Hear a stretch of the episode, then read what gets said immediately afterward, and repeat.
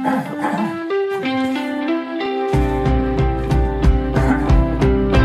lytter til verdens lykkeligste arbejdsmarked med Nikolaj Bilsen. Normalt på den her tid af året emmer landets gågader af julestemning, travlhed og måske ligefrem stress over de sidste øjebliks gaveindkøb. Måske er det også netop nu, at vi stadig har tømmermænd efter årets helt store julefrokostweekend, eller tager et velfortjent frikvarter med et glas gløk på en café eller et julemarked, og måske lige frem en tur i familien, med familien i Tivoli eller i biografen. Sådan er det som bekendt ikke op til denne jul, for at få styr på det rekordhøje og stigende smittetal er store dele af Danmark igen lukket ned. Offentlige ansatte, der ikke udfører kritiske funktioner, er hjemsendt. Julemarkerne blev aldrig rigtig etableret. Bar og natteliv er lukket. Caféer og restauranter må kun servere takeaway. Virksomheder er råd på hjælpepakker, medarbejdere er hjemsendt, og det er ikke bare forlystelserne i Tivoli, som ikke snorer, men nærmest hele forlystelseslivet, som står stille. Endnu en gang er det ansatte af virksomheder inden for den såkaldte oplevelsesindustri, der med restriktioner og påbud oplever de voldsomste konsekvenser af coronavirusen. Om et øjeblik har vi besøg af direktør i Danske Biografer om branchens tilstand og oplevelsesindustriens nære fremtidsmuligheder. Den netop indgåede finanslov indeholdte et lille og måske lidt overset element, nemlig nedsættelsen af et ekspertudvalg, som skal undersøge muligheder for at komme med anbefalinger til, hvordan vi styrker såkaldte demokratiske virksomheder. Hvad det går ud på og dækker over, bliver vi forhåbentlig lidt klogere på, når vi senere i programmet taler med Magnus Skovren Pedersen fra Tænketanken Demokratisk Erhverv. Vi skal også tale med en tidligere pilot, som midt i branchens største nedgang valgte at gå helt nye veje og blive krisepsykolog. Hun deler ud af de personlige erfaringer, når man mister sit job, og kommer med gode råd til, hvordan man hjælper medarbejderne midt i alvorlige kriser.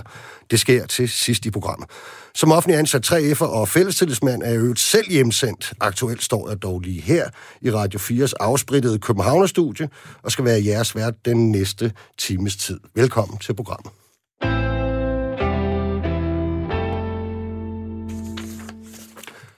Lars Vave, direktør i brancheforeningen Danske Biografer. Velkommen til programmet. Tak fordi jeg måtte komme. Også i virkeligheden. Ja, præcis. Vi har jo alle sammen sådan, du ved, forskellige familietraditioner, ikke? Øhm, hen over julen her. Og en af mine, det er faktisk, at jeg altid går i biografen med mine børn anden juledag. Øhm, og da vi bor i København, så det er jo ikke rigtig en mulighed. Vel, altså hvis nu man skal i biografen over julen, hvor skal man så bo hen? Ja, så skal man bo i, i dele af Syddanmark og, og, og det nordjyske område, øh, som ikke er lukket. Ja. Men der må du jo så ikke tage hen. Nej. Du skal følge men... anbefalingerne, så skal du tage dit, dit, dit eget områdes, øh, hvad hedder det, restriktioner og retningslinjer med ja. dig, øh, når du tager et andet sted hen. Så det der med at sige, at vi, vi starter bilen og tager en biograftur i Sydland, den, øh, den er ikke helt gangbar?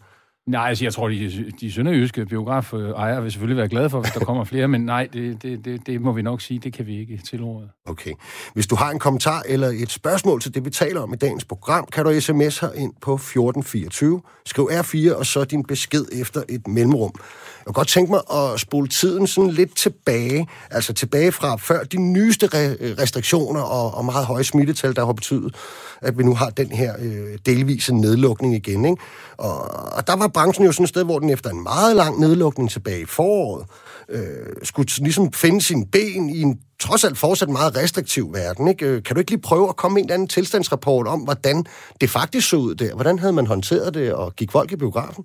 Ja, øh, til det sidste. Ja, folk gik i biografen, og folk gik øh, meget i biografen i øh, oktober-november. Okay. De to måneder, øh, og det hænger jo sammen med, at øh, filmen Druk fik premiere, den, tror det var den 24. september, i hvert fald i slutningen af september.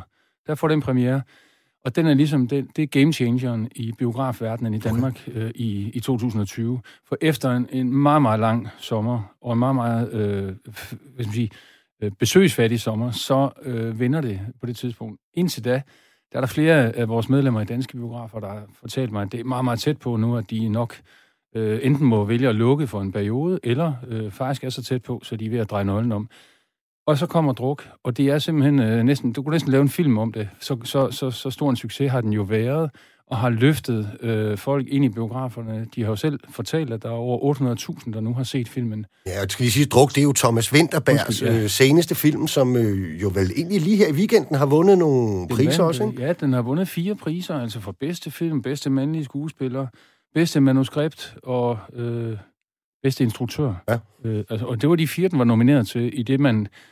Altså, det, de her branchepriser er jo også med øh, markedsføringsøje øh, ja, ja, øje med, men, men alligevel må man jo sige, der var stærke film, den var overfor, det var et tysk time fra, ja, fra Tyskland og så videre. Mm. Stærke, stærke europæiske film, det, man kalder den europæiske Oscar. Og den var nomineret i fire, og den tager og rydder hele bordet. Så det er klart, havde det nu været åbent alle øh, landets biografer nu, og, øh, og, og, og der havde været folk, der ikke havde set den endnu, jamen så havde det nok været andet til, at man lige havde givet den et lille slag på markedsførings... Øh, men, men ved vi så noget om, altså inden druk, var jeg lige ved at sige, ved vi så noget om, øh, hvorfor det var lidt svært at trække folk af huse? Altså havde det noget med restriktionerne at gøre, eller var det... Øh... Jeg tror, noget af det hænger jo sammen med den...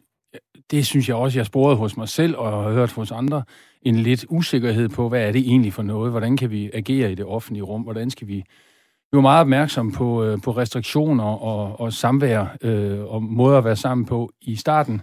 Det er der også, øh, kan man sige, rapporter om nu, at, at, at vi måske tager lidt mere øh, løs på det nu, øh, her i anden omgang. Vi er blevet coronatrætte. Men dengang, der var det sådan, at, at jeg tror, der har været en vis usikkerhed omkring, var det trygt at gå i biografen? Det gjorde vi meget ud af at fortælle folk. Og der har jo heller ikke også bekendt været det eneste tilfælde af smitte, der er blevet påført i biograferne. Men, øh, men så var der heller ikke rigtig nogen film. Mm. Altså jo, selvfølgelig var der film, men, men de store udenlandske film, hele sagaen med James Bond, der er blevet ja. flyttet nu to gange, fra april i år til november i år til april næste år, øh, følger øh, op på en hel masse andre mellemstore og store udenlandske film, i særdeleshed amerikanske film, som bliver flyttet og flyttet og flyttet. Og det betyder jo, at der på det tidspunkt, hvor druk kommer, faktisk er et lidt øh, mat marked. Mm. Den, øh, den eneste, og den, det er også en dansk film, den anden, der har været, det er, kan man sige, sådan for alvor, det er Vores mand i Amerika, og med diplomaten Henrik Kaufmann, mm. øh, som kørte, og, og den trak lige i underkanten af et par hundredtusind, så vidt jeg husker. Øh, og det er jo pænt for en dansk mm. film, men hvis det er den, der ligesom øh, kan man sige, ligger i spidsen af feltet, så fortæller det også, at feltet ikke er så stærkt. Så, så der var en, øh, en, en mat-situation. Jo, jeg synes også godt, man selv kan fornemme, når man har siddet derhjemme på streamingtjenesterne, at der begynder at være lidt... Øh altså langt mellem snapsene, altså på de nye film, der kommer, ikke? Øh, det, det tror jeg, folk kan genkende.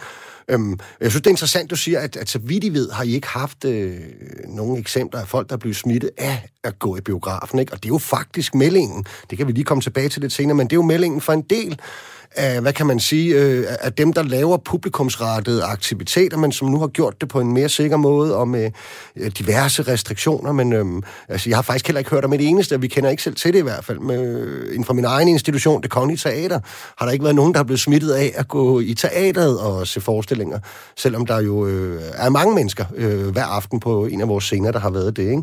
Øhm, så, så har det også været noget at gøre med, at der skulle gå en eller anden, du ved, øh, hearsay i den, at folk måske derude ligesom skulle føle, om jeg var biografen, det var super trygt, eller, eller har I måske ikke været gode nok til at fortælle netop den historie?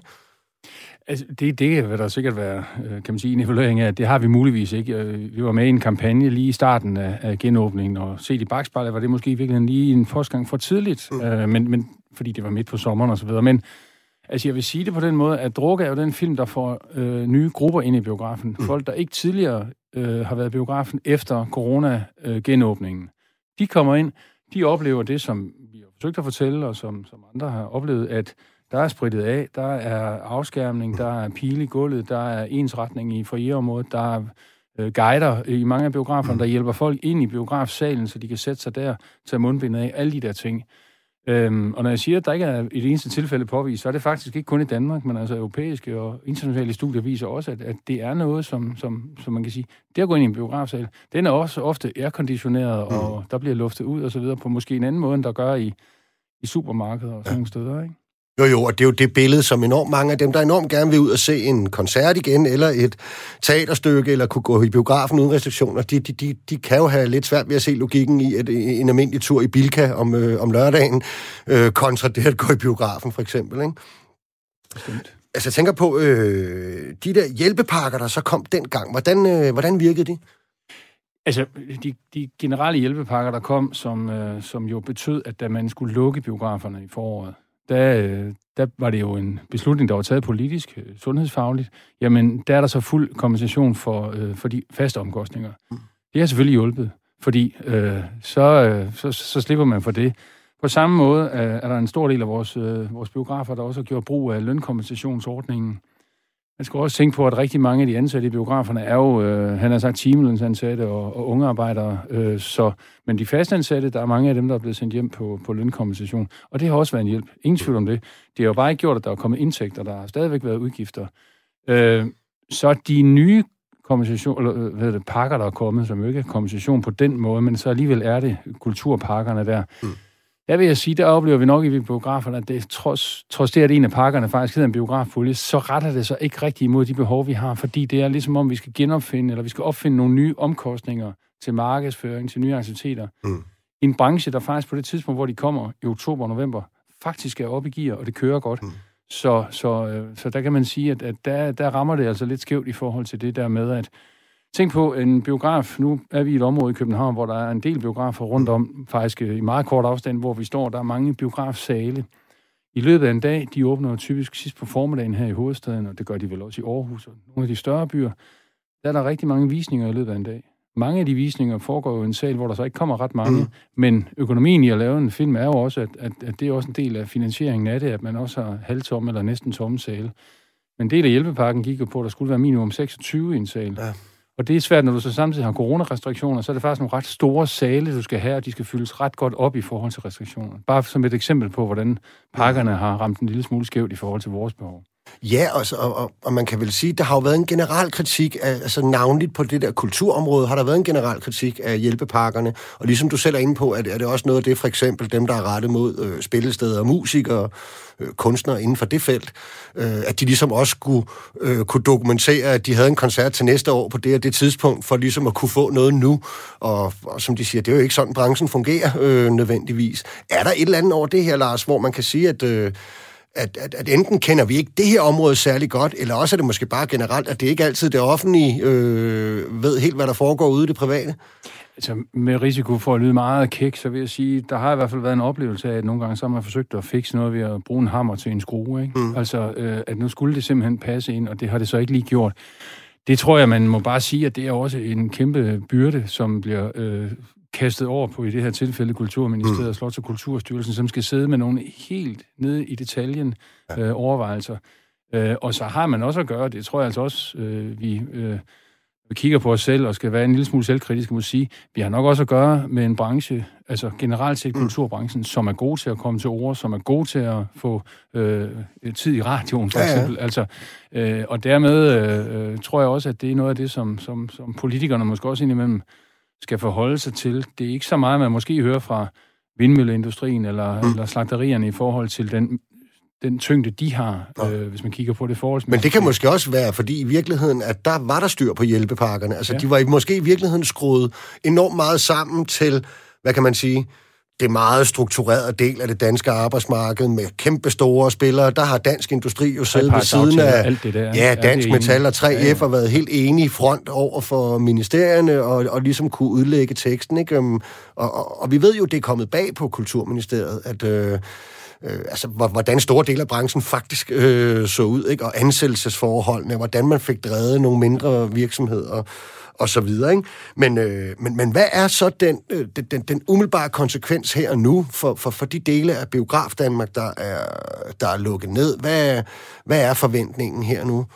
Jeg tror, der er en stor nervøsitet lige nu i forhold mm. til, mm. altså efter runde 2,2, eller hvad skal vi kalde det, altså da de i sidste uge udvider det med ret kort varsel til at være yderligere 31 kommuner. Mm. Jeg tror, vi vil ligesom hele Danmark sidder og tænker på, er det her over den 3. januar? Altså, kan vi øh, genåbne den 4. januar, eller hvordan? Altså, det tror jeg er en af tingene. Øh, mm. Det vil være lidt styrende for, i, i hvor høj grad man er klar til at rulle, øh, kan man sætte, rulle, rulle hvad det, tæppet fra til, mm. til forestillinger der, ikke? Mm. Altså, der er nok en, en forventning om, at det her, det lige skal, skal vinde, før vi for alvor kan sige, ja det er den her vej. Og måske skal der også fortsat holdes, hvad kan man sige, hånden under det i hvert fald, ikke? Og, og, og en af de ting, vi jo har snakket om, at hvis, øh, hvis, hvis oplevelsesindustrien, som ligesom et par andre brancher, trods alt er nogle af dem, der vil være længere om at kunne komme i normal tilstand, end så mange andre øh, virksomheder i, i, Danmark. Øh, det kan være, at der skal være en eller anden form for særlig hånd, der, der, der understøtter dem. Øh, og der har vi jo set noget nyt her på finansloven, øh, faktisk. Og, og I har jo selv, du har jo selv været ude med, med, med nogle forslag i, i forhold til ja, hvad kaldte I det? I kaldte det for et oplevelsesfradrag? Ja, eller? det var sådan en kulturfradrag, hvad man skal kalde ja. det, ikke? Altså, hvad gik det ud på? Jamen, tanken var egentlig bare, at det var egentlig ansporet. Jeg sad, jeg sad derhjemme og blev sådan en lille smule øh, forundret. Øh, den lille vej, jeg bor på, jeg bor i et hus uden for, uden for København, jamen, der var masser af håndværkere, der gik øh, alle mulige steder. Mm. Man hørte fra, fra sine øh, venner, kolleger osv., jamen, øh, det er svært at få håndværkere lige nu. Mm. Og så vil man øh, som udspil til finansloven for høje øh, håndværkerfradrag. Boligjobfradrag, ja. Ja, præcis, ikke? Det grønne øh, fradrag, hvad, mm. de, hvad det kaldes, ikke? Men populært set. Øh, håndværkerfradrag, ja. ja. Og hvor, vi, hvor jeg så bare fik den her tanke, hvorfor er det, at man vil kaste øh, flere ressourcer efter et område, som i den grad har det godt? Mm. Og det er godt for dem. Det, er slet ikke, det, det her handler ikke om, at det skal mm. være dårligt for nogen. Det er bare et spørgsmål om at sige, måske vil man få mere ud af også at sige, jamen så skal man have måske mere et fradrag i forhold til, til nogle udgifter til kultur. Og jeg ved godt, at, at et fradrag, det går så til dem, der har i forvejen. Du skal jo mm. ligesom have en indsigt for at kunne have et fradrag. Og derfor er der selvfølgelig en social slagside i det. Ikke desto mindre var det også en måde at sige, at vi fokuserer noget, noget hjælp og støtte på en anden måde til et område. Og det er de så efterkommet, eller i hvert fald, der er kommet en, en mulighed for, at man kan trække, som arbejdsgiver kan trække ja, op til 1200 kroner fra til gavekort ja. til medarbejdere. Mm. Der er kommet en sms ind, øh, Lars. Hvem siger, at man har krav på hjælp og hjælpepakker? Bør man ikke selv konsolidere sig fremover? Med en hilsen Per fra Odense. Jo, det er da fuldstændig rigtigt. Det er da også en af grundene til, at der er rigtig mange biografer, der, eller at alle biograferne fortsat lever. Det er altså en stor del af de biografer, der mm. så til gengæld også har måttet tære rigtig, rigtig meget på deres, på deres øh, egenkapital. Og det, øh, det er jo også det, der gør, at de nu står noget mere usikre, end de gjorde øh, i, øh, i foråret, da den første runde kom. Der kunne man sige, nå ja, men mm. vi har penge i banken og sådan noget. Og det har mange af dem sikkert også stadigvæk. Men altså, der er stadigvæk, øh, hvad hedder det, der er stadigvæk øh, øh, en vis usikkerhed omkring, hvor lang tid det her kommer til at vare, for det første. Og for det andet, så vil jeg bare sige, jamen det er jo en politisk beslutning, om der skal hjælpes. Øh, ja. Jeg står bare og siger, i det tilfælde, der skal hjælpes, så skal man jo ikke glemme os. Nej, og man kan selvfølgelig sige, fordi at jeg, jeg og nu, nu er jeg jo selvfølgelig selv en del af branchen til en vis udstrækning, kan man sige, men, men det er da klart, at når man kigger på, at at der bliver øget det her boligjobfradrag øh, i en branche, som altså er den, der har klaret sig allerbedst gennem øh, coronakrisen, som du siger. Og det jo nok ville gøre en forskel, hvis man gjorde det lidt nemt at, at kunne bruge nogle penge øh, ved at gå i Tivoli i teateret, øh, ind og høre en koncert, i biografen, og så videre. Øhm, så, så, så skal man måske også stille sig selv det spørgsmål, for eksempel jer i danske biografer og generelt arbejdsgiverne, synes jeg, i kulturbranchen. Har man en, når det lykkes øh, Lars Sandal og Brian Mikkelsen at sørge for, at boligjobfradraget blev forhøjet, øh, fordi nogen har jo sørget for, at det, det blev det, ikke? Øh, har I talt stærkt nok med en stemme ude i oplevelsesindustrien, eller har det også været det der, der har muligvis været mange, der kom til ord, men det har været utrolig spredt fægtning, og måske ikke så konkret, eller hvad? Det tror jeg, der er en diskussion, som, som vi bestemt også øh, fremad, fremad skal, skal tage med hinanden. Fordi der er for mig ikke nogen tvivl om, at vi har råbt i mange forskellige sammenhænge og råbt i mange forskellige tonearter. Og det, øh, det er vel det, der gør det charmerende, men også lidt broget at se ja. på det her kulturliv. Øhm, jeg vil så også bare sige, at der er også stor forskel på at have en lille foreningsdrevet biograf øh, i det sønderjyske område, eller i det midtjyske område, og så øh, skulle tale med samme stemme som Tivoli, eller det kongelige teater. Ja. Der, der, der, der skal klippes en hæl og hugges en to, men det skal der også fra den anden side. Mm. Jeg tænker, jeg har hele tiden haft det synspunkt, det vil give god mening at tale om en fælles branche, øh, tals øh. Det har været debatteret her. Det har været debatteret. Jeg, jeg har så også bare det synspunkt, det er mere mit personlige synspunkt, det er ikke mens krisen den står og rusker i, øh, mm. i fundamentet, at vi skal gøre det. Det skal vi gøre, når vi øh, måske øh, kan se på den anden side af det her. Mm. Men, men øh, lige her til sidst, Lars, hvad er så øh, hvad er fremtidstroen i branchen? Ja, men fremtidstroen har jo også fået et hug på den måde, at øh, vi i sidste uge så nogle af de store multinationale spillere komme ud og sige, at de ville gå direkte på streaming med deres øh, store biograffilm. Øh, Samtidig med biografen, så skulle de på streaming. Og det er klart, at der, der lige nu er nogle mørke skyer, der trækker sammen, som ikke har så meget med corona at gøre, men som måske er forårsaget af corona mm. i USA. Så, så troen er selvfølgelig, at biograferne også i fremtiden vil have et, et produkt, der som når du fortæller, at du, går, du har en tradition om at gå i biffen øh, anden juledag, jamen så er det en tradition, men det er også noget, der er funderet i, at det, det er sjovt, og det er behageligt, mm. og det, det, det er fællesskabende. Mm. Det har vi selvfølgelig en tyrkertro på, at vi fortsat kan levere. Det har vi gjort siden øh, sidst i 1800-tallet. Så, så hvorfor skulle vi ikke kunne fortsætte med det? Men det er klart, at biograferne skal jo også kunne omstille sig til en ny tid. Mm. Og det er jo netop det, du siger. Det er der jo faktisk nogen, der tror på, at vi nærmest vil opleve sådan en slags ny guldalder. Altså, at, øh, at dels at øh, kunstnerne vil sørge for, at vi får nogle endnu federe film og øh, sange og teaterstykker at se, men også, at vi efter den her corona har et kæmpe behov for at komme ud og have de fælles oplevelser. Håber du også på det? Tak have. Og Lars Værge, direktør i Dansk Biografer, du skal have mange tak, fordi du havde lyst til at lægge vejen forbi studiet her til formiddag. Jeg håber både, at biograferne og filmbranchen øh, klarer sig igennem det her.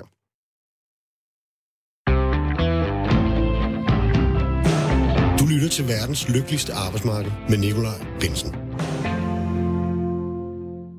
Det er nemlig rigtigt, og det er fortsat muligt at sms'e herind, hvis man har en kommentar eller et spørgsmål til det, vi taler om i dagens program. Det gør man på 1424. Skriv R4 og så din besked efter en mellemrum. Og i mellemtiden kan jeg så sige velkommen til Magnus Skovring Pedersen fra Tænketanken Demokratisk Erhverv. Velkommen til. Tak for det, Nikolaj. Og når vi har dig med, så er det jo altså fordi, at begrebet eller fænomenet erhvervsdemokrati, det er kommet på finansloven. Men hvad går det egentlig ud på? Det skulle du altså meget gerne kunne, kunne, kunne hjælpe med at forklare. Så kan du ikke lige starte med at fortælle, hvem, hvem, hvem, hvem er I i demokratisk erhverv, og hvad er det, I arbejder for? Jamen, det er meget sjovt, du spørger, fordi øh, hvad, hvad betyder det der erhvervsdemokrati? Det bliver man tit spurgt, øh, spurgt om, og, og, øh, og, man, og man bliver også tit, man taler tit om det som sådan en ny ting. Øh, det er jo sådan de nye, de nye typer af virksomheder. Mm. Og det er jo det er virkelig en lidt underlig måde at, at tale om det på, fordi det er virkelig noget af det, der har været ryggraden i dansk erhvervshistorie, øh, lige siden man lavede de første danske andelsselskaber. Okay. Altså, fordi vi er jo en, vi er en, vi er en tænketank for de virksomheder, der er styret ud fra øh, det folkestyreprincippet, altså at man øh, styrer en virksomhed ud fra et medlem i en stemme. Og det kender vi jo både i Arle og Tise og landbrugets gamle selskaber, og vi kender det i vores forsikringsselskaber og pensionskasser og vores mm. elselskaber, hvor det er forbrugerne, og så i en spirende gruppe af medarbejderejede virksomheder, som, øh, som dukker op øh, rundt omkring både byerne og ude i, ude i landet. Okay.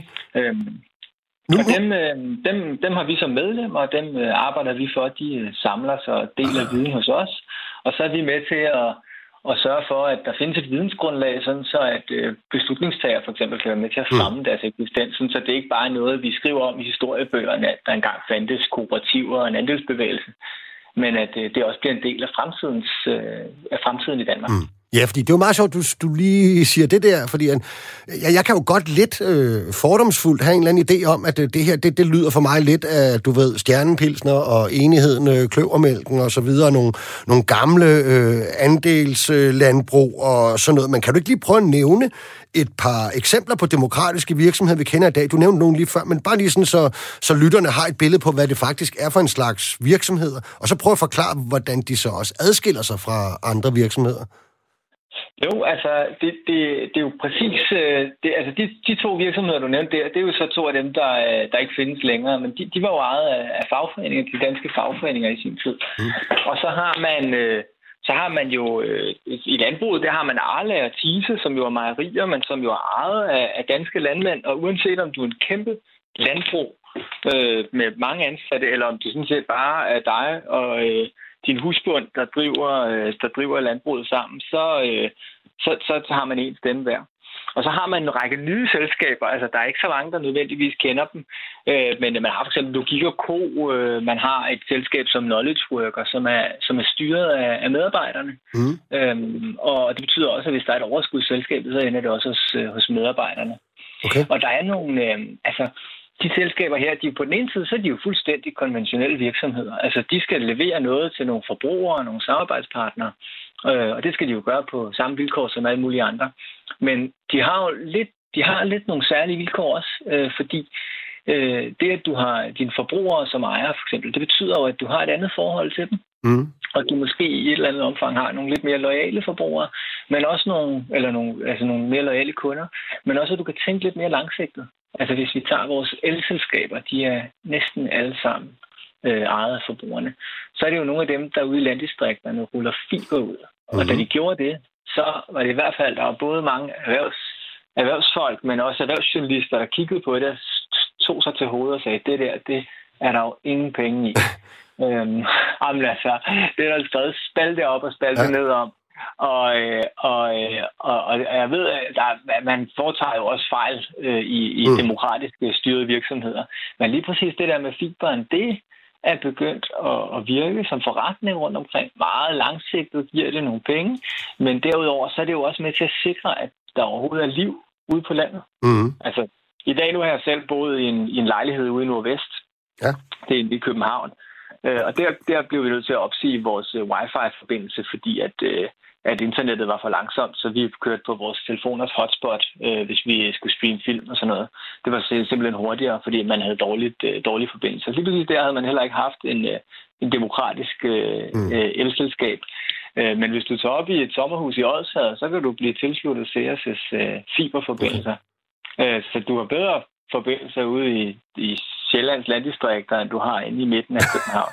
ja, okay. det, er jo, det er jo ret sjovt at tænke på, ja. og det skyldes jo blandt andet de demokratiske virksomheder. Okay, og altså, det er lidt hørt at sige i virkeligheden, det er, at, øh, at man så også med de her forbrugerede øh, virksomheder, Øhm, kan få nogen, der selvfølgelig tænker på, på, på andet end bare at tjene penge, men måske også spille nogle andre roller. Nu nævnte du øh, lokalsamfundet og øh, hele øh, by versus land-delen øh, der, men, men er, det, er det helt skævt set af mig, at hvis nu sådan noget som Coop for eksempel, ikke, eller FDB, som det jo hed i gamle dage, der jeg faktisk arbejdede en gang, at, øh, og der kan jeg huske, der fortalte de den interne historie, at det jo var deres øh, bestyrelser derude, der havde ligesom øh, besluttet, at nu skulle man satse på økologi og de mente så, at de var de første i Danmark, der gjorde det på et tidspunkt, hvor det ikke var så hipsteragtigt at, at drikke økologisk mælk og sådan noget. Ved vi noget om det? Ja, altså, nu skal jeg jo passe på, hvad jeg siger, fordi at, øh, vi forsøger jo at forholde os ret øh, stringent til, hvad der er fakta. Mm. Og det er jo ikke, fordi der er lavet til bundsgående undersøgelser på det her område. Men, men øhm, altså, så man kan ikke sige, at demokratiske virksomheder partout på alle områder okay. er mere øh, samfundsansvarlige. Og jeg tror også, det er i hvert fald det, det er noget læren fra, fra meget, mange af vores virksomheder. Det afhænger meget af, om demokratiet bliver brugt. Mm. Altså bruger de lokale landmænd og bruger forbrugerne og bruger medarbejderne deres stemme i de her selskaber, så kan det betyde noget. Og det, har det, det er ret tydeligt, at det har gjort det i Coops øh, tilfælde. Mm. Altså, der er til stadighed diskussioner i deres lokale bestyrelser, men også i deres centrale nationale landsråd og bestyrelse, øh, om hvordan de sørger for at gøre en samfundsindsats. Øh, Udover at de selvfølgelig skal drive forretninger. Mm. Jeg tror også, hvis du kigger på det, så det der med at være, at din ejer også er, bor et bestemt sted øh, og har en tilknytning til lokalområdet, det betyder også noget, ikke bare for sådan noget med, om man giver et samfundsbidrag, der kan mærkes på klimaet eller på økologien og mm. miljøet og sådan noget, ikke i stor skala, men helt, helt lokalt. Altså det, at man for eksempel overhovedet har øh, detaljbutikker på landet, mm. det skyldes jo, at de lokale bestyrelser meget nødigt vil lukke dem. Altså hvis du sidder ja, ja. som en stor tysk eller norsk koncern, så, så kigger du på bundlinjerne mm. i de der selskaber, og hvis ikke de forbedrer sig inden for en meget, meget kort overrække, eller i hvert fald, eller næsten tjener lige så godt som alle andre steder, så lukker du dem jo, fordi så er det jo en dårlig anbringelse af din kapital. Men forbrugerne har jo, altså der har ejerne i forbrugerselskaber jo en lidt anden tanke. De kan jo godt se, at det giver sgu ekstra mening, øh, at man faktisk har en lokal butik i fremtiden. Øh, okay. Altså på alle måder. Altså bare tag, tag det faktum, at deres ejendoms... Altså man kan også bare tænke på det som økonomispørgsmål, mm. ikke? Fordi at øh, når, den, når brusen forlader et lokalområde, så falder huspriserne jo. Mm. Så kan du ikke komme af med din bolig igen, ikke? Ja, nu, nu, nu, nu handler det her program jo om arbejdsmarkedet, kan man sige også. Ikke? Og hvis, hvis, hvis lige, Magnus, bevæger os øh, hvad kan man sige, fra, fra forbrugerne ind i, i, i selve virksomheden, ikke? Øhm, mm. Hvordan ser det så ud for medarbejderne? Altså, hvor meget indflydelse skal de egentlig have på driften, og hvordan organiserer man det egentlig typisk øh, i sådan nogle virksomheder? Jamen, det, det er jo det, der er lidt interessant ved Danmark. Altså, vi, vi har lavet de første kortlægninger af, hvor meget de her øh, selskaber fylder i dansk økonomi. Og det, vi kan se, det er cirka 10 procent af den aktivitet, der er i, 10 procent? Øh, okay. i, Ja, cirka 10 procent, lige lidt under 10 procent. Øh, men det er også et konservativt skøn, vi har foretaget her. Det er nemlig ret svært at opgøre i Danmark, fordi man ikke har en selskabsform for demokratiske virksomheder. Men, øh, men cirka 10 procent, det står de demokratiske virksomheder for. Det er 10 procent af den omsætning, der er. Og, øh, og det er hovedsageligt i virksomheder, der er ejet af, af, af leverandører, altså landmænd oftest, og så øh, virksomheder, der er ejet forbrugerne. Og vi har meget få virksomheder, der er ejet medarbejderne. Og det bringer mig nemlig tilbage til det, du spørger om, Nikolaj, fordi det er jo der, hvor man ser den allerstørste effekt for arbejdsmarkedet og for mm. medarbejderne. Fordi hvis man er med til at styre sin egen virksomhed, så kan man jo bestemme, hvordan arbejdsmiljøet skal være i et vist omfang. I hvert fald, hvor meget man skal satse på det. Man kan også bestemme til dels, hvordan lønfordelingen skal være. Mm. Og, det, det er jo, og det er der, hvor vi har, vi har kigget lidt på, hvad der sker i resten af verden. Fordi vi har meget få virksomheder, der har styret sådan her i Danmark. Men i udlandet, der boomer det afsted. Og der ved man rigtig meget om, hvad forskellen er på hvad kan man sige, investorejede virksomheder og så medarbejderejede virksomheder. Okay. Og der ved man, der er altså en produktivitetsfordel. Og der er også nogle studier, der peger på, at lønforskellene bliver noget mindre. Og så er der, det er der lidt mindre sikkerhed for, men der er også nogle studier, der peger på, at, der, at arbejdsmiljøet og arbejdsglæden simpelthen er højere ved at arbejde i, i den her type virksomheder. Okay, det synes jeg jo nemlig er interessant, ikke? Og, og jeg synes meget af det egentlig har en vis logik for sig. Altså sådan meget naturligt faktisk. Ikke? Altså, det, vi kender det jo selv fra, at hvis man bor til leje eller en andelsforening så, eller ejerforening, så går man lidt mere op i, hvordan opgangen ser ud, eller om, der, om skraldet flyder nede i bunden. Øh, ja. øhm, altså, så, så den logik kan jeg sådan set godt følge. Det jeg nogle ja. gange tænker, ikke, det er, hvad, hvad, hvad nu med øh, de medarbejdere, der bare gerne vil gå på arbejde? Og bruge deres øh, kræfter på at være fodboldtræner i fritiden, og gå mere op i, at man har fri præcis kl. 4 hver dag, øh, end, at, end at tænke på øh, den fælles virksomheds overskud og sådan noget. Hvad med sådan noget? Ja, kan de, kan de overhovedet få lov at være med? Ja, det er det. Øh, Jamen altså, altså nu, nu står vi jo ikke i den situation, hvor at, øh, at der næsten kun er medarbejderejede virksomheder i Danmark. Der, så, der er ikke stoppet for tilslutning endnu. Nej, de, det er bare roligt. Jeg tror, hvis man gerne bare vil have et job, hvor man øh, kan slukke for, øh, slukke for lyset i, i, i den arbejdshjerne, når man, når man går hjem, mm. øh, så, så findes der masser af virksomheder og jobs derude. Øh, fordi det er jo rigtigt nok, i et eller andet omfang, så får man jo et ansvar. Men jeg tror, der er to ting ved det. Det ene det er jo, at, at øh, hvis du arbejder i en virksomhed, som, øh, som er medarbejderejet, så er der jo stadigvæk noget ledelse. Mm. Og hvem der skal lede, og hvem der ikke skal lede. Øh, det er der jo så i et eller andet omfang noget valg af. Normalt så vil man jo gøre det sådan, at man vælger en bestyrelse, som så ansætter mm. nogle ledere. Øh, og, og de så ansætter ledere ned af, afhængig af, hvor stor virksomheden er. Det den er rigtig stor, så er der jo mange mellem, mellemledere og mange lag af ledere. Ikke? Øhm, så på den måde så har man stadigvæk ledet af nogen, man ikke direkte bare kan afsætte. Sådan vil det ofte være i store demokratiske virksomheder i udlandet. Men, men øh, så på den måde så, så er det jo afgrænset, hvad man skal beslutte. Okay. Men der, derudover tror jeg også, at de fleste er jo interesseret i at have indflydelse på det, som deres arbejde berører. Altså det, der foregår helt konkret i dine arbejdsprocesser. Det vil man jo gerne have lov til at have indflydelse på, mm. og man har jo ikke lyst til, at der bare er nogen, der ikke ved noget om det. Altså, at der sidder nogle skrivebordsgeneraler et eller andet sted, Nej. og kan, kan, kan lægge planer, uden at de har, de har hørt, hørt medarbejderne også. Og det er der jo en tendens til, hvis du er en medarbejderejet virksomhed, at du i væsentlig højere grad inddrager medarbejderne, altså når det handler om deres helt konkrete arbejdsrutiner, ikke arbejdsgange. Øhm, og det, det tror jeg, det er de færreste, der ikke er interesseret i, at de kan være med til at blive hørt okay. øh, på, hvordan, hvordan sådan noget skal indrettes. Det tror jeg, du har ret i. Nu er det jo så sådan, at I, uh, I kommer på finansloven, eller I er ikke, altså begrebet kan man sige at komme på finansloven. Uh, for 2021, der bliver nedsat sådan et, uh, et nyt ekspertpanel for demokratisk erhverv og medarbejdere. Altså, hvad, hvad er det, det ekspertpanel skal lave, Magnus? Jamen, det tror jeg også, de sidder og, øhm, og roer lidt over, det ved de over i, uh, i Erhvervsministeriet. øhm, fordi det er jo sådan, at der er blevet vedtaget en, en finanslovsaftale, hvor der står sådan i helt overordnede termer, hvad man skal lave. Øh, og det ene, det er, at man skal finde ud af, hvad er der viden på området. Øhm, og, og det andet, det er, at man skal kigge til resten af Europa og se på, jamen, hvordan understøtter man demokratiske virksomheder. Og så det sidste, det er, at man skal komme med nogle anbefalinger til, hvordan man kan fremme dem mm. i Danmark. Og det sidste er jo rigtig interessant, fordi vi kan jo konstatere, at vi er bagud den erhvervsdemokratiske mm. bølge, som skyller hen over resten af Europa. Der står vi ligesom hen på en eller anden sten og, og kigger ud over det der hav der, som vi, som vi ikke er en del af. Øh, og det skal vi jo med på. Øhm, og og der, der kan man jo tage ved lære af, hvordan man gør i resten af verden. Okay. Så jeg håber, at man, man, man får en, øh, altså en, en god afdækning af, hvad man gør i resten af Europa. Noget af det ved vi allerede, øh, men noget af det vil formentlig også være nyt øh, for dem, der har arbejdet med det øh, længe. Øh, og så man kommer med nogle klare anbefalinger for, hvordan vi sørger for, at der kommer nye virksomheder til, og også at, øh, at, at nogle af de eksisterende virksomheder måske får nogle, nogle vækstmuligheder. Ja. Og det siger jeg ikke, fordi at man skal skævvride øh, hele erhvervslivet i Danmark til fordel for de demokratiske virksomheder.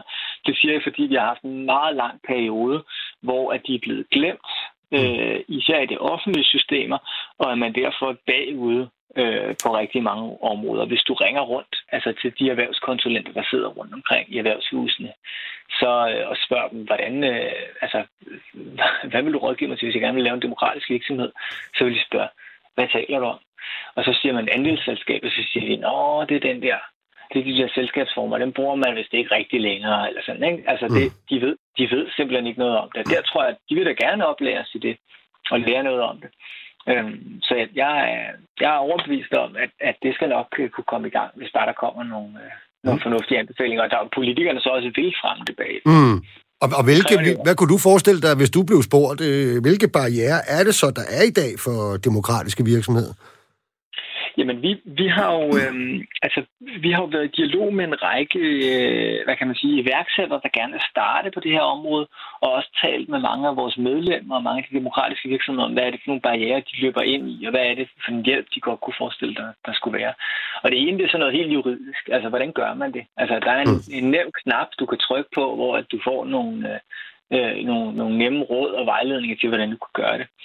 Og det andet, det andet tror jeg, og det er, jo, det er jo næste skridt, det er jo dem, som ikke allerede ved, at de gerne vil lave en demokratisk virksomhed, men det er, at man sørger for, at folk er klar over, at det er en mulighed.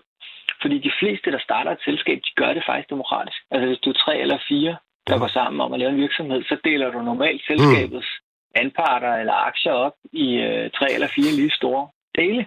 Øhm, og det kunne man jo bare overveje at spørge sig selv om, jamen prøv at høre, hvis vi tror på, at det er den rigtige måde at drive en virksomhed på, at vi skal gøre det sammen, hvorfor skal den femte mand, de ansætter, så ikke også være med? Okay, nu... Altså, nu ja, ja, præcis. Det, den, den type tanke, det er jo den, man skal aktivere for mm. De, de ved jo allerede nu, at vi stoler på hinanden, fordi vi er i det her sammen. Jamen, mm. hvis vi så skal have en femte med, så stoler vi jo mere på ham, hvis han også er medejer. Og det er jo sjovt, du synes, synes jeg, Magnus, du nævner jo lidt nu i virkeligheden, at, øh, at øh, jamen, der er en masse, der gør noget, noget, noget simili til det, som en helt almindelig business case, øh, og en helt almindelig måde at drive et, øh, et stærkt kapitalistisk foretagende på. Ikke? Og jeg kom til at tænke på, fordi det kan jo godt have den her øh, rem af noget øh, gammelt og socialistisk nærmest og så videre, men, men, men nu er det jo tilfældigvis en rød regering, der har vedtaget at sætte penge af til det her og vil fremme det, men, øh, men det er vel ikke fordi, at øh, hvis man nu er borgerlig, så behøver man at have en øh, særlig modstand mod øh, det her, eller hvad? Nej, det er heller ikke vores opfattelse. Altså i virkeligheden, så er det jo dem, de partier, der i dag bliver kaldt borgerlige, det er den har opfundet den her måde at ja. organisere virksomheder på. Det var jo landbrugets selskaber, og, og jeg ved godt, at vi i dag så tænker vi, at landmænd, det er sådan nogle kæmpe store farme, fyldt med maskiner, mm. en masse ansatte østarbejdere, der lige er der tre måneder, og så forlader øh, øh, landbruget igen.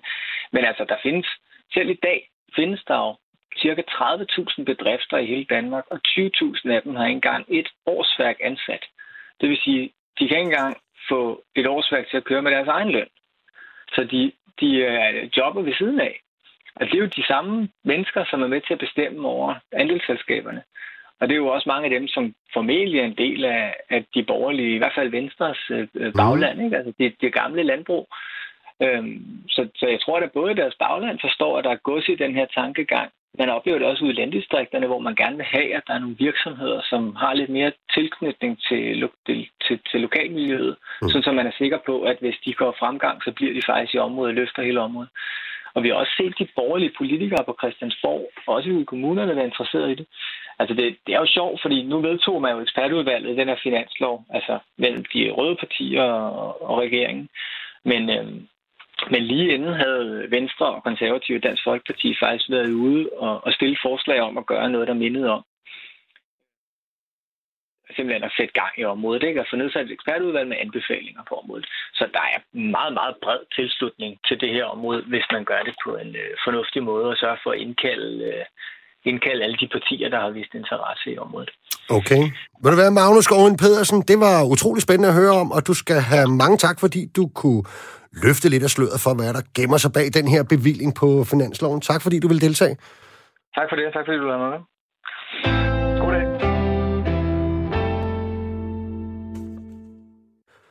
Du lytter fortsat til verdens lykkeligste arbejdsmarked her på Radio 4. Vi har netop hørt lidt om, hvad erhvervsdemokrati er for en størrelse. At der jo faktisk er en hel del virksomheder, vi ikke lige tænker over i dagligdagen, som har et andet ejerforhold end det helt klassiske, og hvorfor det måske kan betale sig frem flere virksomheder af den type herhjemme. Vi må se, nu er projektet i hvert fald kommet på finansloven. Tidligere i dag har vi også talt om situationen for de danske biografer, ja nærmest om hele oplevelsesindustrien, hvor man ligesom i følgebrancherne, altså restaurant restauranter og caféer jo har været ekstremt hårdt ramt af restriktioner, nedlukninger, hjemmesendelser, afskedelser og i vist tilfælde også konkurser. Det har selv sagt spillet en enorm rolle i de mange medarbejderes liv, som er ansat her.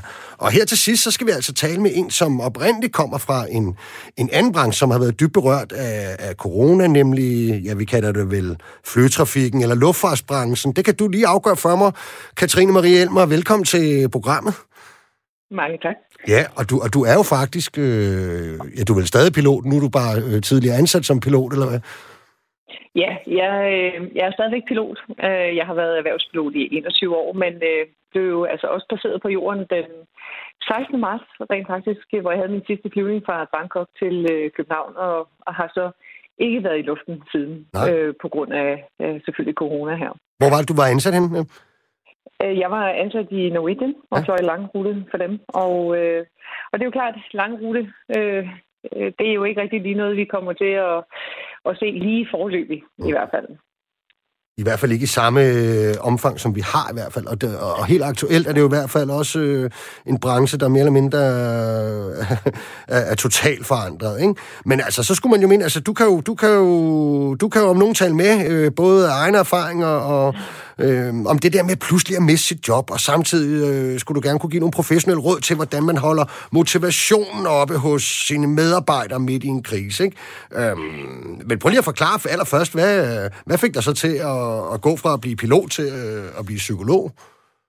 Ja, altså, øh, jeg, jeg har jo så været øh, uddannet psykolog i en hel del år, og det har jeg så været sideløbende med at, at være erhvervspilot. Og, øh, og så er det jo, at, at da, da ligesom øh, krisen rammer her i, øh, i marts måned øh, i år, jamen så er det jo også, at øh, så må jeg jo også sadle om, mm. ligesom så mange andre mennesker også bliver nødt til at, at gøre i, øh, i den her øh, tid. Og, øh, og det, der jo selvfølgelig var oplagt for mig, det er jo så, så skifte øh, branche, og så kom jeg så over og blev øh, chefpsykolog for øh, det, det, et livsforsikringsselskab, der hedder Euro Accident, og der sidder jeg så i dag. Men det var jo selvfølgelig hårdt, øh, da jeg også blev placeret på jorden og mistede mit job som pilot, og og troede faktisk, at det var mit fundament. Mm. Og lige pludselig det der med at skulle omstille sig til et, et nyt liv, nye tider, øh, det, og selv min direktør, han sagde også, Katrine, kan du nu sidde på kontor, nu når du egentlig har siddet oppe i luften, og, og sådan, altså, er det egentlig noget, du kan, så til an på her. Når jeg egentlig sidder i en flyvemaskine 11 timer, så er jeg jo fastspændt trods alt på min kontorstol, der kan jeg jo bevæge mig frit rundt. Jeg har fået voldsom frihed, så ja. jeg sagde til ham. Og, øh, og det kunne han jo selvfølgelig godt lige øh, se, at det var en lidt anden vinkel, end det han umiddelbart lige havde troet. Men, øh, men det er selvfølgelig det, at, at vi mennesker, vi, øh, vi oplever en, en omstilling. Øh, vi har fået en anden hverdag, end, øh, end det, at øh, vi har været vant til. Og, øh, og enhver ændring i vores hverdag, jamen det påvirker os faktisk mentalt. Og, øh, og det er selvfølgelig noget af det, som jeg ser ind i som psykolog. Og, øh, og jeg oplever altså, at øh, også nu for underbygge, der er faktisk en undersøgelse fra WHO, der lige er kommet ud, hvor det viser sig, at øh, apati er steget 60 procent i alle 27 øh, EU-lande. Og, øh, og, og det viser jo den her altså manglende motivation, øh, mm. som egentlig ligger ude i befolkningen. Det, som vi også sådan kalder coronatrætheden. Og, og den, den spreder sig øh, stille og roligt nu, når alle de her restriktioner kommer ind på vores dagligdag. Og, og vi skal også tænke på, at jamen, normalvis jamen, så bliver vi jo altså, påvirket af mange forskellige faktorer i vores dagligdag, som vi også kalder stressorer. Altså sådan, at øh, ja, nogen flytter lige pludselig, mm. og så har man nogle udfordringer i familiemæssigt og socialt og sådan. Men når vi så har den her øh, coronapandemi, der kommer ind over påvirker os mentalt, giver os en masse restriktioner, en masse uforudsigelighed, jamen så er det klart, at så ser vi faktisk, at de mennesker, som normalvis har gode coping-strategier, altså en god måde til at håndtere problemer på i deres hverdag, øh, de mester det pludselig ikke, som de plejer. Nej. Og det er altså det, det er store problematikker, når vi ser derude. Jamen, og, altså... og det, som, Ja, undskyld. Ja. Jamen, det er bare ja. fordi, at altså, øh, jeg synes, det er meget interessant det der, og jeg kan jo egentlig lidt genkende det. Jeg tror, mange vil kunne genkende det fra sig selv, hvis de for eksempel har haft en periode af deres liv, hvor de var arbejdsløse. Øh, og, og, og også der arbejder i brancher, øh, det har du vel også gjort som pilot, og jeg gør det i hvert fald, hvor man, ja, der kan være enormt meget koncentreret arbejde, men så kan jeg også have en periode, hvor jeg faktisk har relativt meget fri. Og det er jo helt mod forventning, Øh, ikke nødvendigvis der, hvor du har enormt meget fri, enten som arbejdsløs, eller hvis du bare har fri, at du får ordnet en hel masse ting. Det er som om, at det er den hverdag, der i forvejen er struktureret, at du ligesom har et gear ekstra. Er det noget, øh, der kan underbygges på nogen som helst? Det var en total hjemstrikket teori, jeg lige slog ud her, ikke? Men... ja, men, men det kan faktisk godt underbygges. Altså, det, det, det viser sig faktisk, at, at vi mennesker, vi, vi trives bedst i en form for struktur, mm. altså hvor, hvor ting er tilrettelagt. Øhm, vi ved næsten også sådan, at, at hvis der bliver for mange dage ude i træk, altså hvor, hvor vi ikke lige har nogle forpligtelser, eller hvor, hvor mm. der ikke er den her struktur, jamen, hvad sker der lidt med mennesker? Jamen, det er, at de vælter lidt ud af sengen, og så får, kommer de ikke lige i bad, og så får de ikke lige oppet sig sådan i forhold til, hvor et, hver eneste gang, hvor vi møder ind på arbejdet, jamen, så er det klart, så tager man jo tøjet på, man går i bad, tager tøjet på og kommer ud af døren på vej til arbejdspladsen, får en masse sansindtryk, som gør, at at vi enten kommer til at grine på turen hen ja. til arbejdet, eller, eller også måske skal ud i trafikken. Der kan være mange forskellige følelser derude, men, mm. men altså, der, der sker trods alt noget. Der er nogle sandsynstryk, som, mm. som er gode for os. Og, øh, og, og det gør trods alt, at, at vi kommer i et andet arbejdsmodus, kan man sige. Og, øh, og, og det er lidt det, som vi kommer ud af, hvis det er sådan, at vi sidder hjemme hver eneste dag.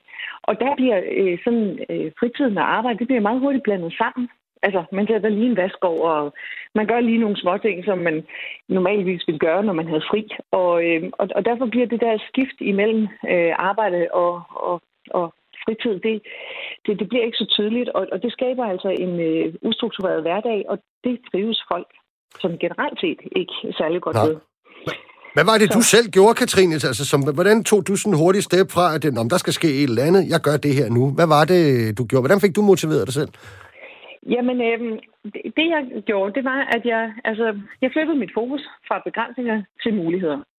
Altså det der med ikke at fokusere på alle de begrænsninger, for nu kan jeg jo ikke flyve, nu kan jeg ikke gøre det og det, og jeg kan ikke, øh, hvad jeg plejer.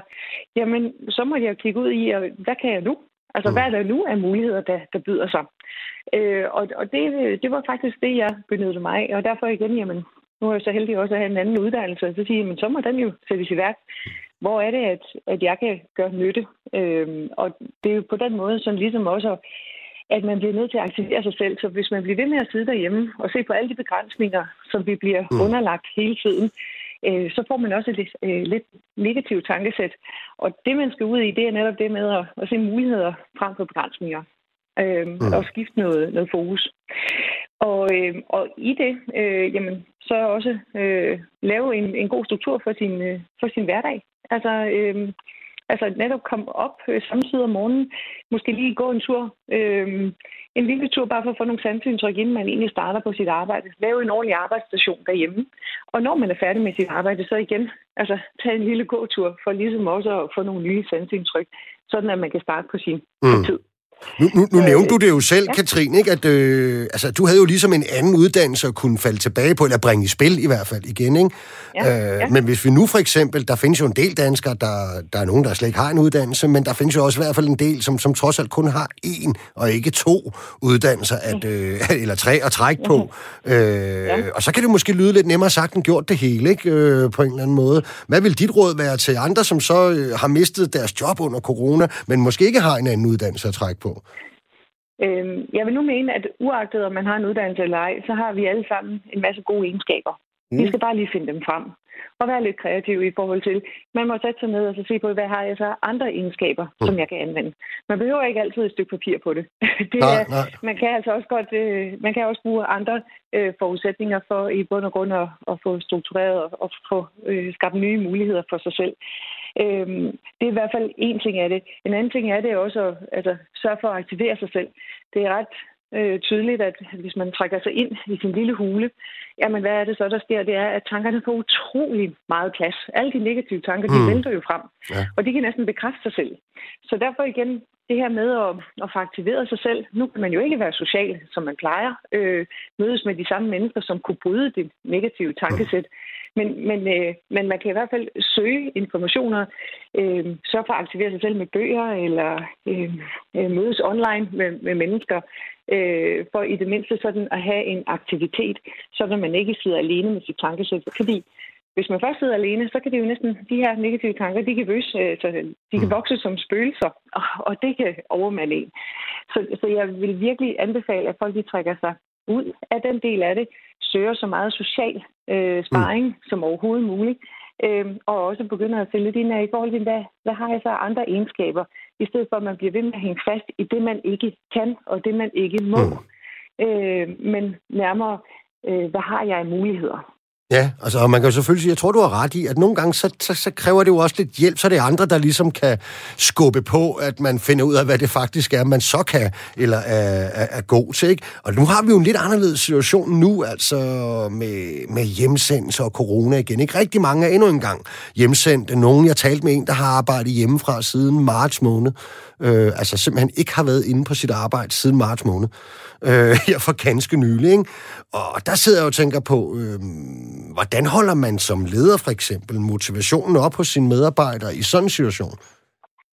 Det, der er vigtigt, øh, det er, at lederen agerer fyrtårn i den her coronatog. Mm. Altså, man skal simpelthen sørge for at vise et pejlemærke omkring, hvorfor er det, vi gør det her? Hvad er formålet med dit arbejde? Øhm, fordi det kan godt være svært at se, når man hver eneste dag bare sidder alene. Så ved at lederen holder morgenmøder, holder ofte briefinger med sine medarbejdere, det gør, at, at der er en, igen, den om strukturen omkring, jamen, hvorfor gør vi det her? Altså, fordi det er svært, når man sidder derhjemme, og der er mange møder, øh, der bliver aflyst, og, og de øh, måske øh, øh, aftaler, som der lige lå foran, men de bliver alligevel ikke til noget, og, og så det bliver sådan lidt spildt arbejde, føler man mange gange. Der er det ret vigtigt, at man hele tiden har et lys forude, altså det her fyrtårn, den her leder, som egentlig kan vise en vej, hvorfor at man gør de her ting. Og så er det vigtigt, øh, at man hele tiden bliver anerkendt mm. for det arbejde, man laver. For igen, der er jo ikke den der sparring med sine kollegaer og lederen i dagligdagen. Mm. Så det, der er vigtigt, det er, at lederen igen får endnu mere fokus på at anerkende sine medarbejdere. Så jeg siger anerkendt, anerkendt og anerkendt. Mm. Fordi hvis man ikke gør det, så kommer medarbejderen derhjemme ret ofte til at bombe sig selv oven i hovedet, eller bombe sig selv oven i hovedet, øhm, om at man ikke gør det godt nok, eller at øh, man sidder tilbage med den følelse af, at jeg er den eneste, der, der ikke kan navigere i det her, eller synes, det er svært. Ja. Men nærmere, at det øh, er en, en fælles ting, at det er faktisk noget, vi alle sammen vi har svært ved. Mm. Øh, det er altså ikke kun os øh, øh, enkeltvis, øh, der, der har de her problemer. Det er jo altså også noget, som jeg sagde før, det er altså også noget, vi ser i hele Europa. Så, så det er altså ikke bare det enkelte menneske, ja. som har det her problem. Ifølge politikken, ikke, så får fagforeningen for tiden usædvanligt mange henvendelser om stress, ensomhed og depressioner fra hjemmekontorerne. Ikke? Og hos DM har de, det Dansk Magisterforening, der har de i løbet af de sidste fire måneder fået 53 procent flere henvendelser om stress fra deres medlemmer i forhold til sidste år samme tidspunkt. Og du er altså ifølge politikken, ikke? Altså, hvad, hvad kan vi give af gode råd til dem, som oplever psykisk mistrivsel? Det er jo den helt øh, tunge udgave af det, vi lige talte om før, ikke? Altså psykisk mistrivsel på hjemmekontorerne. Ja, det der er vigtigt, det er, at man søger professionel hjælp. Mm. Øhm, fordi det er netop det med, at vi kan ikke bruge de kanaler, som vi plejer. Ja. Og derfor er det også vigtigt at, at finde øh, nogen, som, som kan hjælpe en. Og, og der taler jeg om nogle professionelle øh, øh, ja, professionel assistance. Ja. Øh, og det kan være øh, coaching, øh, det kan også godt være øh, simpelthen terapi, at der, at der skal være tale om altså mere intervenering, noget dybtegående øh, behandling, øh, afhængig af situationen. Og det er netop det med, at vi ser, vi har jo altså stadigvæk øh, et liv, der skal fungere, øh, både inden på det sociale og, og ens egen fysik øh, og ens egen psyke, øh, og, og også ens arbejdsmiljø. Og, og når man taler arbejdsmiljø, jamen, så er det jo lige pludselig derhjemme. Og det er jo ikke så optimalt som eksempelvis på sin arbejdsplads. Mm. Så, så derfor, øh, når nu man virkelig bliver ramt og Øh, ja, og en anden ting, jeg lige også vil sige i forbindelse med det, det er, at det rent faktisk er sådan, at at man... Øh, at dem, som er meget ambitiøse, har høj, høj, høj øh, ambitionsniveau ja, og pligt forventning til sig selv. Og, ja, lige præcis. Ja, de, de, de kæmper altså rigtig, rigtig meget, og de arbejder meget, meget sent. Mm. Så igen, de har svært ved at, ligesom at adskille arbejde og fritid. Og de mennesker, det er jo klart, de har jo et rigtig, rigtig højt stressniveau. Mm. Og, øh, og derfor er det vigtigt for dem også at få noget, noget øh, hjælp udefra til lige at, at skabe noget mere struktur. Øh, og det kan man altså gøre ved professionel hjælp udefra, altså noget samtaleterapi. Super kort. Hvad skal arbejdsgiverne gøre for at hjælpe der? Jamen, arbejdsgiveren øh, skal have nogle gode samtaler med sine medarbejdere omkring, hvad er behovet. Og på den måde så hjælpe, assistere øh, i forhold til det behov, der egentlig udviser sig. Så de skal faktisk hjælpe med en forventningsafstemning i virkeligheden også, øh, ja, der, hører ja. Det er godt, ved at Katrine Marie Elmer, krisepsykolog. Tusind tak, fordi at, øh, du vil medvirke i programmet. Jamen, det var så lidt. Og så er der altså bare tilbage at sige tak for i dag. Vi er tilbage igen på næste mandag. Mit navn er Nikolaj Bensen, og du lytter til verdens lykkeligste arbejdsmarked, som er produceret af Rakkerpark Productions, og Julie Lindert Højmark var producer.